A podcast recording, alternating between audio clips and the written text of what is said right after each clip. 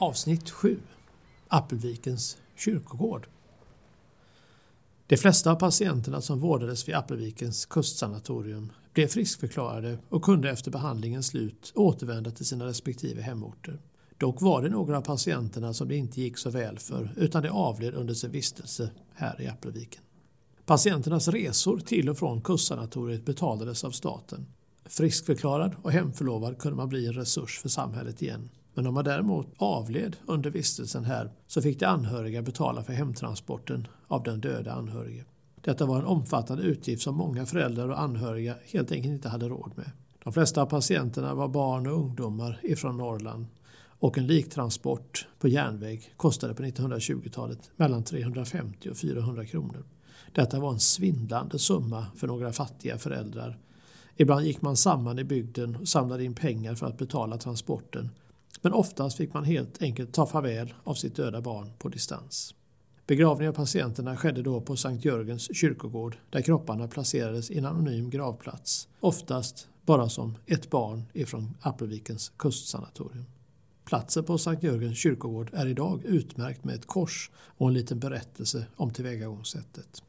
Johan Severin Almer tyckte att det hela var förkastligt och han tog 1924 ett initiativ till att anlägga en sjukhuskyrkogård på kustsanatoriets område. Arkitekten Lange från Göteborg engagerades och han ritade det lilla fina kapellet som finns här på kyrkogården. Kapellet som är klassiskt utformat har en entré som är dekorerad med de grekiska bokstäverna alfa och omega. Dessa båda bokstäver är den första och sista i det klassiska grekiska alfabetet.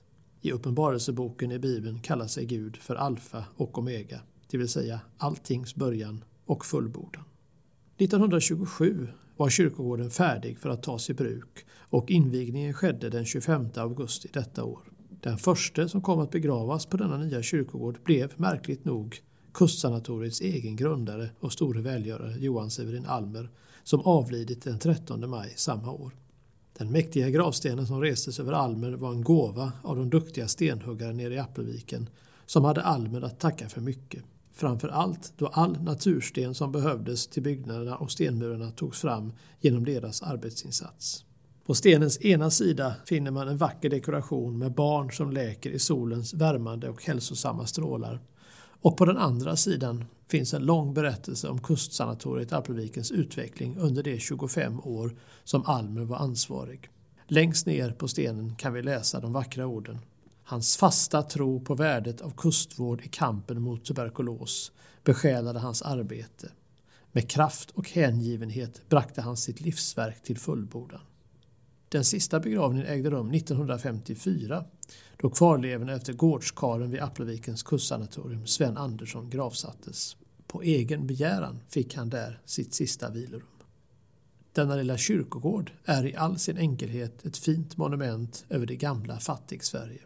Anhöriga till de som vilar på denna plats hade helt enkelt inte råd att ta hem sina anhöriga. De var inte värda en resa hem med statliga medel och deras anhöriga hade oftast inte råd att närvara vid begravningen.